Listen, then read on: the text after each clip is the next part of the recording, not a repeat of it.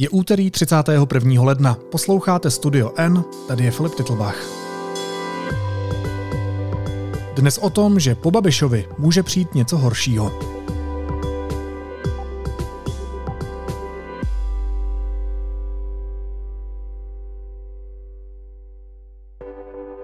A já vám přeju svět bez Babiše. Zapomeňte na Babiše. Porážka Andreje Babiše v prezidentských volbách může být příznakem jeho blížícího se konce v české politice. Pokud se vliv hnutí ANO po hypotetickém odchodu předsedy zmenší, někdo tento prostor obsadí. Bude to ale nutně něco lepšího? O tom se budu bavit s komentátorem deníku N Ondřejem Štindlem. Ondro, vítej, ahoj. Dobré odpoledne. Zkuste žít bez Babiše. Přestaňte ráno vstávat z nenávistí k Babišovi a večer usínat.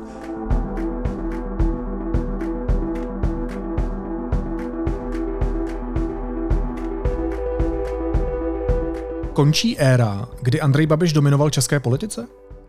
tak eh, v nějaké míře už skončila už po těch minulých sněmovních volbách. Přinejmenším eh, skončila éra nebo skončila doba, kdy ta dominance mohla působit jako neočresitelná, kdy vlastně jakékoliv aféry nebo jakákoliv kritika, které eh, by na adresu Andreje Babiše směřovaly, nepohla eh, s preferencemi jakého osobně, tak hnutí ano, to skončilo vlastně už s covidem a od té doby té skutečně dominantní pozice na té politické scéně už Andrej Babiš nedosáhl.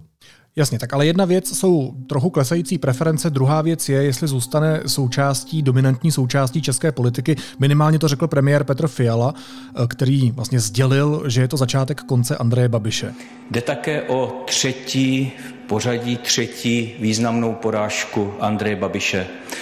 A vypadá to, že jsme svědky začátku konce jeho politické éry v naší zemi. Ale nenechme se mílit, může to být ještě dlouhé a nepříjemné. Petr Fiala je dneska Babišův hlavní politický rival, takže tam je jasné, že to říká a že to svým způsobem nafukuje. Zároveň rozumím tomu, že Andrej Babiš prohrál v prezidentských volbách, že po sněmovních volbách zamířil do opozice, takže tohle má určitou racionalitu. Na druhou stranu i přesto Andrej Babiš přece v těch prezidentských volbách získal 2,5 milionu hlasů. To není málo? Tak já nevím, jestli lidi nechtějí, když tam vidím 2 miliony 386 tisíc lidí, tak ono to asi tak nevypadá. Tak... Je to politik, který se ve společnosti drží tak nějak dlouhodobě dost vysokou podporu. Tak kde bys hledal ty objektivní body, které naznačují, že by mohlo jít o úplný konec jeho politické kariéry? Tak ta porážka v prezidentských volbách, jakkoliv Andrej Babiš neopomene při každé příležitosti zdůraznit, že dosáhl famózního výsledku, tak eh, byla vážná, byla jasná a myslím, že jí Andrej Babiš definitivně přišel o eh, aureolu vítěze, která, myslím, je speciálně pro uh, tábor jeho voličů, nebo ten, to tvrdší jeho jádro, uh, je důležitá. Dosáhli jsme famózní výsledek. Famózní výsledek není už ten člověk, který, ať už se řekne o něm cokoliv, ať už se proti němu postaví kdokoliv, tak on stejně vyhraje. Ne, ne, nemá, nemá to uh, takový ten ze strany spíš jeho kritiků vnímáno takový ten fatální uh, rozměr, že ať bude dělat cokoliv, vždycky to dopadne tak, že vyhraje Babiš. Ne, takže to je, myslím, pro něj důležitá ztráta. Myslím, uh, že že v té politice taky prostě funguje čas, že ty skutečně, skutečně dlouhé politické kariéry těch lídrů, kteří byli na vrcholu 15-20 let, ty jsou spíš výjimka než pravidlo. A je prostě velmi dobře možné, že Andrej Babiš takovouhle výjimkou nebude. Když hovoříš o čase, tak bude ten úpadek Andreje Babiše pozvolný anebo náhlý a rychlý? To bych velice rád věděl, ale uh, samozřejmě záleží. A já ani netvrdím, že ten úpadek jeho je jistý. Já ho považuji za docela pravděpodobný. Zároveň myslím, že uh, v dnešní době víc, než, nebo česká, na českou politiku vždycky měl velký vliv, uh, měl je velký vliv událostí, které vlastně stály mimo tu českou politiku. A myslím, že myslím, že v současnosti ten hypotetický vliv dějní za hranicemi je větší, než, než je obvykle. Eh, to, jaká bude politická budoucnost uh, Andreje Babiše souvisí třeba s válkou na Ukrajině, s tím, jak dlouho ještě bude trvat, s tím, jak dopadne, s tím, jaké bude nebo nebude mít uh, dopady ještě mimo Ukrajinu a Rusko. Což jsou věci, které přiznávám, netuším, takže těžko to můžu předvídat. Ty jsi říkal, že pro voliče Andreje Babiše je velmi důležité, že má kolem sebe tu auru vítěze. Tak dobře, tu teď ztratil. Samozřejmě je velmi příjemné, když člověk vyhrává. Eh, asi o tom něco víme, že je to příjemné, když máš tu zlatou medaili na krku. Ale znamená to nutně, že to bude znamenat odliv těch voličů, že pro ně je to tak zásadní, že je tím vítězem, ať říká, co říká, ať dělá, co dělá, že tím ztratí něco obrovsky zásadního pro něj? No taky uh, záleží na tom, jak se s tím vypořádá strana, kterou Andrej Babiš založil. Jestli, hm, která je jistým způsobem v paradoxní situaci, protože ano, není přinejmenším jako ne, nevznikla jako uh, regulární politická strana, ale jako nástroj jednoho člověka, konkrétně Andreje Babiše, uh, dostat se na politický vrchol. Ten, tuhle funkci v nějakém uh, nějakém čase plnila docela dobře, teď to dvakrát nevyšlo a Přišlo by mi logické, kdyby si lidi v té straně tak jako kladli tu otázku, kterou si teď klademe my. Jestli ten politický projekt, nebo jak, ten, nebo jak to nazvat, které, do kterého si nějak zapojili, jestli je jeho životnost jako limitovaná politickou životností eh, jejího, nebo jeho předsedy, anebo jestli je to něco, co by mělo existovat nezávisle na tom, jestli v čele bude nebo nebude Andrej Babiš. K tomu se ještě dostaneme k samotnému hnutí ano, ale když zůstanu u osoby Andreje Babiše, tak on oznámil, že se teď na chvíli klidí z toho veřejného politického prostoru, že si potřebuje dát oddych. Zároveň svým odpůrcům po své prohře trochu křečovitě řekl, že jim přeje svět bez Babiše. A já vám přeju svět bez Babiše. Zapomeňte na Babiše. Jak dlouho to podle tebe bez té pozornosti Andrej Babiš vydrží? Já bych mu i třeba celkem věřil, že, že ho ta kampaň unavila. Uh, takhle, pokud to myslí se svojí politickou kariéru vážně, pokud uh, chce, jak uh, jako naznačoval během té tiskové konference, kdy vlastně prezentoval, když to trochu přeženu, ty prezidentské volby jako zkoušku na parlamentní volby, která dopadla prostě úžasně, tak se do toho centra pozornosti bude muset nějak dostat zase. Jo, a asi čím dřív, tím líp. Děkujeme a hnutí ano jede dál. Protože jinak eh, těžko, těžko dělat politickou kariéru z ústraní a nepovšimnutí. Ještě jednou k tomu možná mediálnímu obrazu Andreje Babiše, který si tvoří i on sám, respektive ten jeho PR tým, který kolem něj roztáčí ta kola, byl by vlastně vůbec Babiš tak úspěšný, kdyby nebyl v té roli mučedníka, kterého všichni nenávidí, hlavně ta pražská kavárna, kterému všichni hází klasky pod nohy, hlavně tě média, na kterého všichni připravují kampaň, hlavně ten polistopadový kartel a tak dál. Šlo by to bez tohohle všeho? To je hodně hypotetická otázka, protože on tuhle stylizaci měl v podstatě od od, eh, od začátku. To byla, eh, to prostě není nějaká nová věc. On takhle vystupoval, že je ten, že je ten jaksi nechtěný politik, který vlastně ani není politik, kterého eh, řekněme mediálně politicko-kulturní establishment nemá rád nebo nenávidí.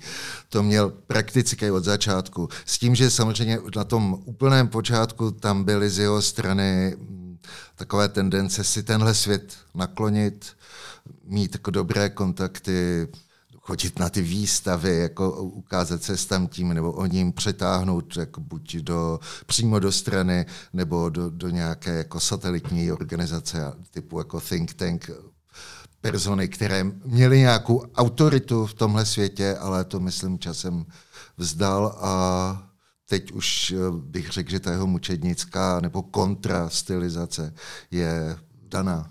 Eh, ten soupeř byl strašně silný, nebylo to jenom pět stran, ale samozřejmě všechny média, ale o tom už někteří mluvili, takže já už budu hodný, už mlčím. Teď k tomu hnutí ano. Uh, může si hnutí ano dovolit, aby Andrej Babiš sešel z očí?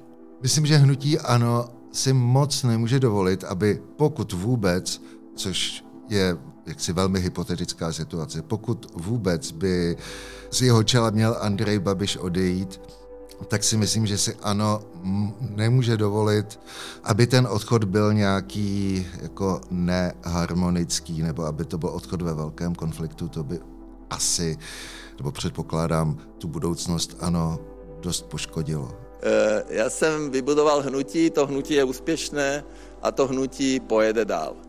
A jinak samozřejmě mm, nějakým způsobem vypořádat se s tou otázkou musí eh, ano je tím, že to vlastně nebyla nebo není moc politická strana, než spíš teda servisní organizace jednoho člověka, tak eh, nefunguje moc jako politická strana. Vlastně pokud by z ní Andrej Babiš odešel, nebo byl odejít, tak eh, by to vlastně znamenalo faktický začátek fungování ANO jako politické strany, ke které patří nějaké taky vnitřní, nějaká vnitřní tenze, frakce, konkurenční boj, což všechno samozřejmě přítomnost toho jednoznačného, nevyzývaného lídra totálně utlumí. No počkej, tak ale když říkáš, že za těch víc než deset let se eh, z hnutí ANO nestala ta plnohodnotná, řekněme i trochu tradiční politická strana, která dokáže vést ten, eh, ten stranický život, která dokáže vygenerovat zajímavé osobnosti, která dokáže mít ten jasný hodnotový rámec, zároveň dávat prostor různým polemikám, různým frakcím, jak si teď zmiňoval, tak kde by byl smysl hnutí ANO bez Andreje Babiše? Já jsem v tom komentáři psal, že, že pro ně je charakteristická i pro Andreje Babiše osobně taková stylizace, řekl bych, technokratická. My jsme ta strana, která nežvaní, ale která maká. Myslím, že ten technokratický pohled na, na politiku a vůbec život v Česku má docela odezvu, jakkoliv sám ho nezdílem, tak uh, myslím, že tím ano i Andrej Babiš jak si zasáhli nějakou reálně existující představu kterou část voličů sdílí. Eh, takže budoucnost, ano, pokud by nějaká byla, pokud, no, pokud nějaká bude, ona samozřejmě ještě nebavíme se o tom, co bude příští týden, ale o tom třeba, co bude za, za pár roků, eh, tak bych řekl, že zůstane v nějaké té technokratické poloze, která možná programově nebo ideologicky bude nějakým způsobem vyprázdněná. Každopádně ano, je pořád eh, co do voličské podpory nejsilnější politická strana v Česku. A když si představíš ten koláčový graf, jak, jak, jak vždycky se no, jim ilustrují ty průzkumy, to je docela velký kus toho koláče, ano. A pokud by se ten kus jako výrazněji smrskl, anebo třeba úplně zmizel, tak to něco znamená pro celek té politiky. To neznamená, že to zůstane prázdný, tam prostě někdo se bude snažit vstoupit do toho uvolněného prostoru. No Babiš často opakuje, že založil Catch-all Party, stranu, která míří na všechny. Co to vlastně znamená? Tak my víme, že žere levicové voliče po sociální demokracii, zároveň sbírá nespokojené občany od antisystémových stran, zároveň cílí úplně na všechny, jak říká Andrej Babiš. Tak kde potom teda leží na tom politickém spektru? Kdekoliv, což může být eh, v jistém ohledu výhodná, výhodná pozice, pokud někdo chce být tou dominantní silou. A ono to má nějakou chronologii. On na začátku jako přebíral hodně hlasů ODS, kterou to jednu chvíli vypadalo, že by mohl úplně potopit. Pak se mu podařilo eh, v podstatě zlikvidovat nebo zbezvýznamnit sociální demokracii a KSČM. Eh, před prezidentskou volbou se tak na sociálních sítích se vede spousta debat. Jedna z nich se týkala toho, jestli ano je levicová strana nebo ne, což mně přijde trochu bezpředmětná otázka, ale pravda je, že v dnešní době uh, nevím, jestli je ano levicové, anebo ne, ale je to strana, která přetáhla voliče levicových stran a nějakým způsobem zřejmě uspokojuje alespoň částečně jejich, představ, jejich představy nebo potřeby. Tak toho si samozřejmě taky musí být vědomá a nějak to reflektovat jak v politice, tak v těch svých kampaních. Myslím, že ten slogan o Andreji Babišovi, který kudy chodí, tudy myslí na, na lidi, tomu odpovídá. No a když si představíme tu hypotetickou situaci, že Andrej Babiš uh, není už v politice, že hnutí ANO kvůli tomu výrazně oslabilo, už není tedy schopné hrát tu svoji roli v tom českém politickém prostředí, tak kdo ho nahradí? Tak ta tradiční levice je v Česku prakticky mrtvá, Moderní levice tady nemá skoro žádné zastoupení, chybí tady výrazný lídr, pokud nepočítám teď teda Josefa Středulu, který byl... Tomu se to povedlo moc pěkně, no. Nějakou chvíli nasvícený prezidentskými volbami, ale je na tom levicovém poli někdo, kdo by do případného toho vyklizeného prostoru pohnutí ano vstoupil z té levicové části spektra? V tuhle chvíli to tak nevypadá, jak eh, sociální demokracie, tak bohužel i komunistická strana jsou eh, strany, které mají v českém prostředí skutečně dlouhou tradici, tak by nám mohlo připadat zvláštní, pokud by měli skončit a úplně... Uh, takže je možný nějaký uh, jako revival, ale uh, trochu v intencích toho, co dneska to ANO reprezentuje, tedy strana těch, kteří, dejme tomu, si mohou cítit třeba i z naprosto pochopitelných důvodů tím v úvozovkách nebo bez nich vývojem nebo toho s tím směřováním současné západní společnosti opomenutí nebo odstrčení nebo na něj naštvaní, tak uh, asi ten prostor po hypotetickém hypotetické marginalizaci hnutí ano, by zabral někdo, kdo by cílil na stejné voliče s nějakou variantou toho apelu, který ano má dneska. Fakt je, že myslím, ta politika ano při vší uh, kritice, kterou člověk může sdílet vůči jejím, vůči šéfovi, ano, nebo vůči té straně samotné, byla nějak, měla nějakým způsobem dané nějaké limity. Uh, fakt je, že Andrej Babiš neměl nikdy obchodní zájmy v Rusku a naopak z jeho chování i v té kampani byla jasná ta ambice být považovaný uh, za jednoho z velkých evropských státníků, což znamená, pokud člověk tuhle ambici skutečně má, tak určité věci nedělá. On si dával velký pozor na to, aby třeba přímo jako s Ruskem nebyl nějak spojovaný ani se i ohrazoval proti tomu, že ta jeho pověstná mírová rétorika nějakým způsobem by mohla souviset s, řekněme, respektem vůči ruským zájmům. Dobře, jenom ještě chvilku zůstanu u té levice. Nebyl by to svým způsobem uh, prostor pro tu autentickou moderní levici, nebo ta tady nemá v Česku žádnou šanci, teda minimálně, jak tě poslouchám, pokud nenastoupí rétoriku a témata hnutí ano?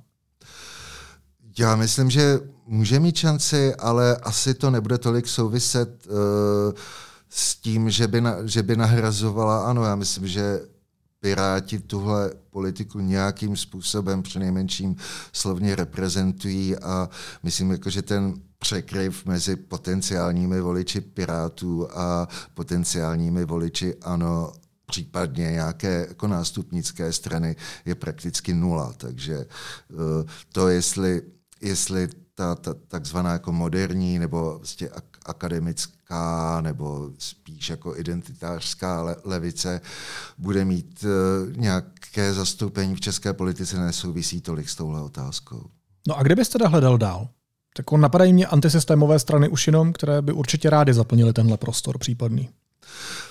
Pak je, je tady možnost, že, eh, což by nebylo poprvé české politice, že pokud se nějaký ten prostor uvolní, tak ho zaplní ne jedna strana, ale několik takových těch partaj, partají nebo partajček, tak uh, na hranici uh, jako přežití, které se navzájem budou mezi sebou jako nenávidět a pěstovat ten takzvaný narcismus malých, malých rozdílů.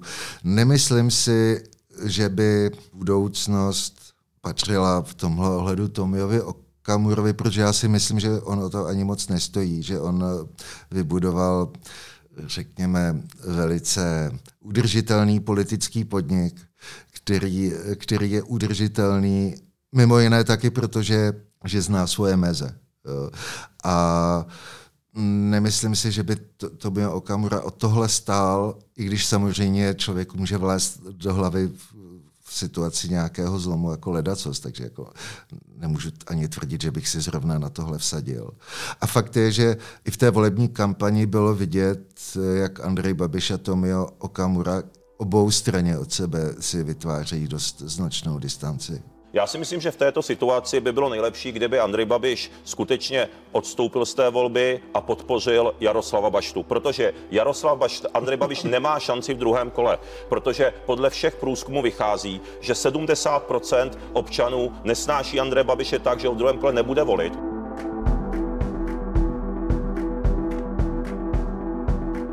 Je tady řada lidí, která si myslí, že Andrej Babiš je stělesněné zlo.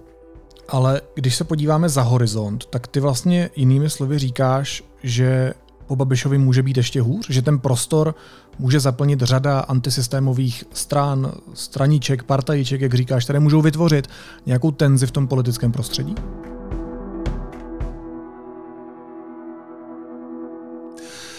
tak ten výraz tělesněné zlo člověk v té kampani slyšel a samozřejmě všichni víme, že to je předvolební kampaň a v rámci takových kampaní se jako řekne leda, co, co člověk jako nemusí myslet jako úplně vážně. Takže samozřejmě je snadné si představit někoho, kdo je ještě daleko horší než Andrej Babiš kdy byl a bude.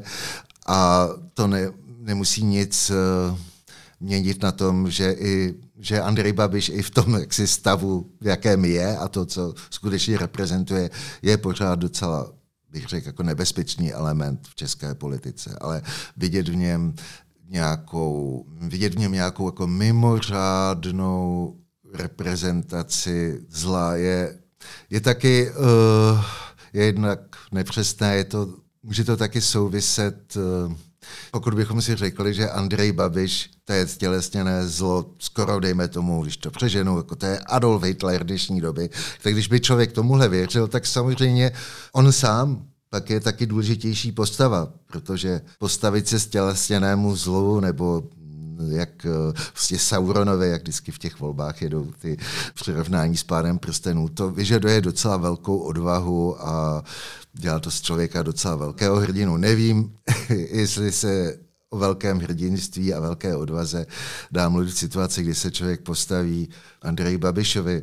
Jako eh, to, že Andrej Babiš byl tak dominantní po prostě několik let, je taky vysvědčení schopností těch, kdo stáli proti němu. Ta dominance nemu, nemusela být vůbec výsledkem nějakého prostě ďábelského intelektu Andreje Babiše a Marka Prchala a všech těch lidí, kteří prostě očarovali českou společnost nějakou temnou magií, ale může to prostě, eh, může to dosvědčovat i to, že proti sobě neměli zrovna, jak říkají eh, fotbaloví komentátoři, velkou kvalitu. Já zásadně odmítám, že bychom dělali nějakou negativní kampaň a kdo to viděl, i ten prchal, není žádným autorem ničeho. Není to pravda. Když už mluvíš o Hitlerovi, tak on sám, Andrej Babiš, říkal, že kdyby se proti němu postavil ve volbě Putin, tak pěti koalice zvolí radši Putina než Babiše. Tím vlastně ilustroval, jak strašně, ho, eh, jak strašně ho ta současná vláda nesnáší. Tak tím jsme teda v dnešním rozhovoru vyčerpali argumenty Hitlerem a Putinem, můžeme jít dál. Tady je ale nicméně zajímavý, co si říkal, protože něco podobného včera říkal sociolog Martin Buchtík. Martine, potkalo nás v Babišovi v tom tématu rozdělování společnosti to nejhorší? A nebo je to jenom moje malá představivost? Já si myslím, že to je vaše malá představivost, Filipe.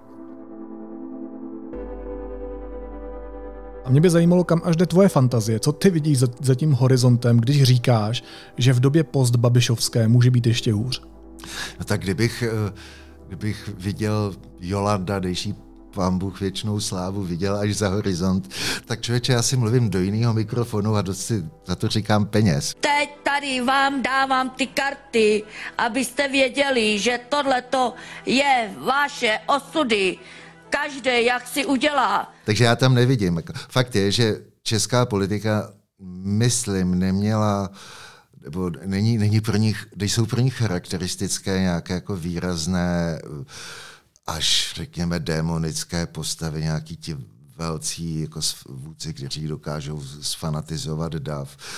Pro ní je charakteristická taky určitá malost. A když, když si vzpomeneš na tu, na tu předvolební kampaň, tak v ní se Andrej Babiš předvedl jako dost malý člověk, jako dost vlastně neimponující člověk, kde bylo to, když, když si poslechneš uh, jeho vystoupení v těch debatách nebo, nebo na tiskových konferencích, tak z toho nemáš pocit, jako že tam stojí ten démon, jako který, to ten, který to teď do těch lidí pustil a oni už ho budou slepě následovat. Spíš to bylo takový často dost bezradný, i včetně těch následných omluv. Takže já si nemyslím, že pro českou politiku je přítomnost těch jako skutečně hrozivých vůdců typická. I ti komunističtí prezidenti snad s výjimkou Gustava Husáka, což byl značně inteligentní člověk, jakkoliv to nedával moc najevo, to taky nebyly nějaký postavy formátu Stalina nebo Mao Tse-tunga, ale vždycky měli taky takovou groteskní, trochu jako upatlanou dimenzi to všecko. Sloboda našich národů, existencia, kľudný život nášho štátu, a prirodzene rozvoj socialistického zriadenia nášho štátu je garantovaný jedine v spojenectve, v bratstve, spolupráci so Sovětským zväzom a najbližšími ostatními socialistickými štátmi. A myslím, že groteskní upatlanost má taky svoje výhody, jo? takže já tím ani to, co říkám, jako není jenom kritika, jako řekněme, českého prostředí. Ono se v něm díky tomu jako, uh, žije taky docela bezpečně. Takže, abych se vrátil k tvý otázce, já nevím, a, a přítomnost nějaké takovéhle jako figury, uh, ta by musela, ta by mohla přijít jenom v případě, že by se objevila figura podobného rázu ještě někde jinde. Já myslím, že, že Česku se nestane, že by, byla, že, že by se z něj stala, dejme tomu, totalita na rozdíl od všech států kolem. No a co nejhoršího se teda Česku může stát? Tak jako já mám tu představivost docela živou, tak jako můžu začít pršet žáby například, jo? velký žáby, ale uh, myslím, že to, co je jakoby ta realistická představa nějakého úpadku Česka, by byla závislost na cizí mocnosti, která je nějakým způsobem nepřátelská vůči svobodě, což samozřejmě silný kandidát, nebo jediný kandidát v okolí v tuhle chvíli je Rusko. Může to být kombinovaný s nějakou společností nebo se společenským modelem technologického dohledu, což je věc, která, myslím, ohrožuje možná lidstvo jako celek, nebo přinejmenším to jeho rozvinutější jako část, jako celek, bez ohledu na to, jako jaké režimy v těch v těch zemích panují a, a úpadek intelektuální nebo společenský, nějaká nástup nějaké nové zatuchlosti, která by třeba vzhledem k těm technologickým možnostem dohledu byla i třeba výrazně hůř odstranitelná než tyhle režimy minulosti. Tak poslední otázka, když to schrneme, tak Babiš říká, že za ní bude líp. Tak co nakonec rozhodne o tom, jestli bude hůř?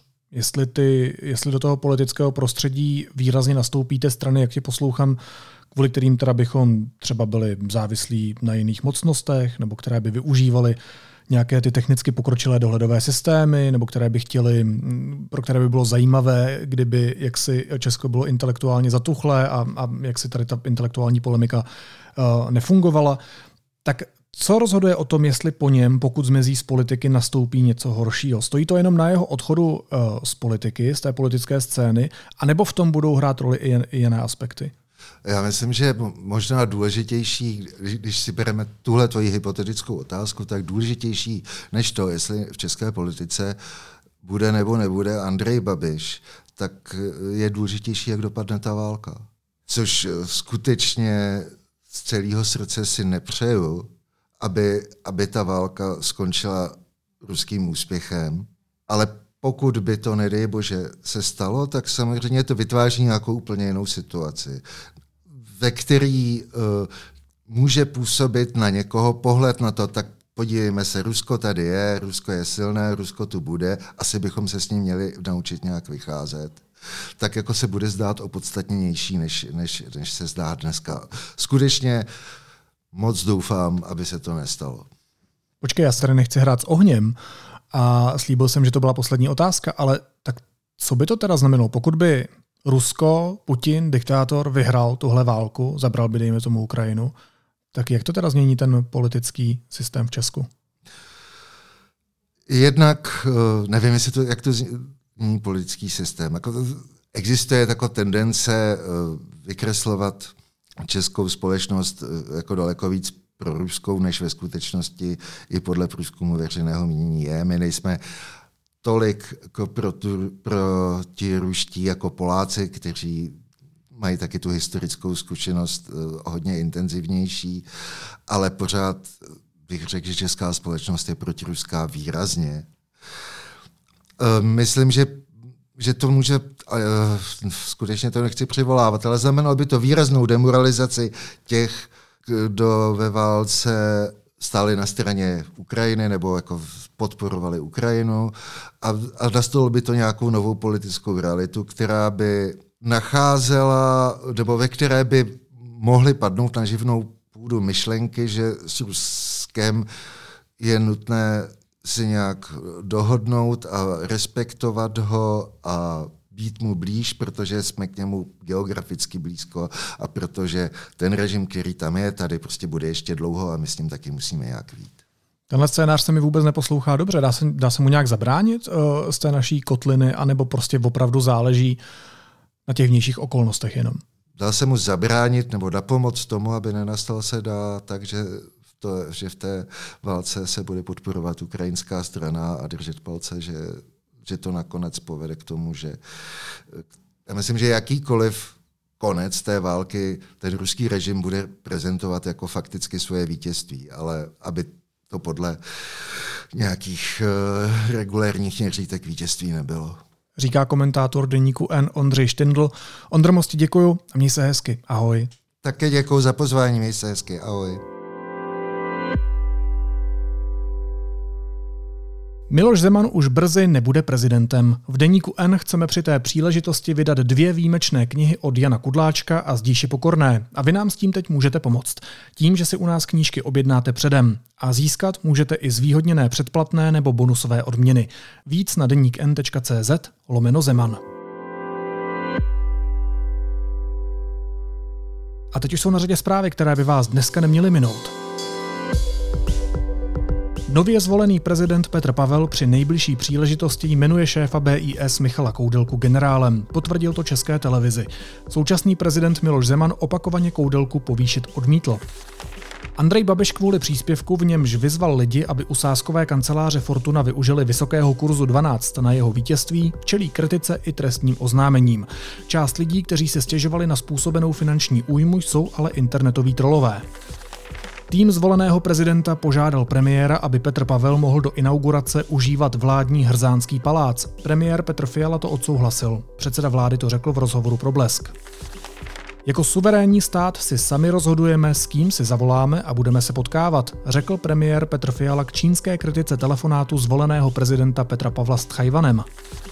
A případem Ladislava Vrabela, který čelí podezření z šíření poplašné zprávy kvůli výrokům o jaderném útoku Česka na Rusko, se bude zabývat soud. Policie ho kvůli tomu před minulou sobotu zadržela. Vrabel odmítl, že by šířil poplašnou zprávu. Podle svých slov jen spekuloval nad kroky vlády.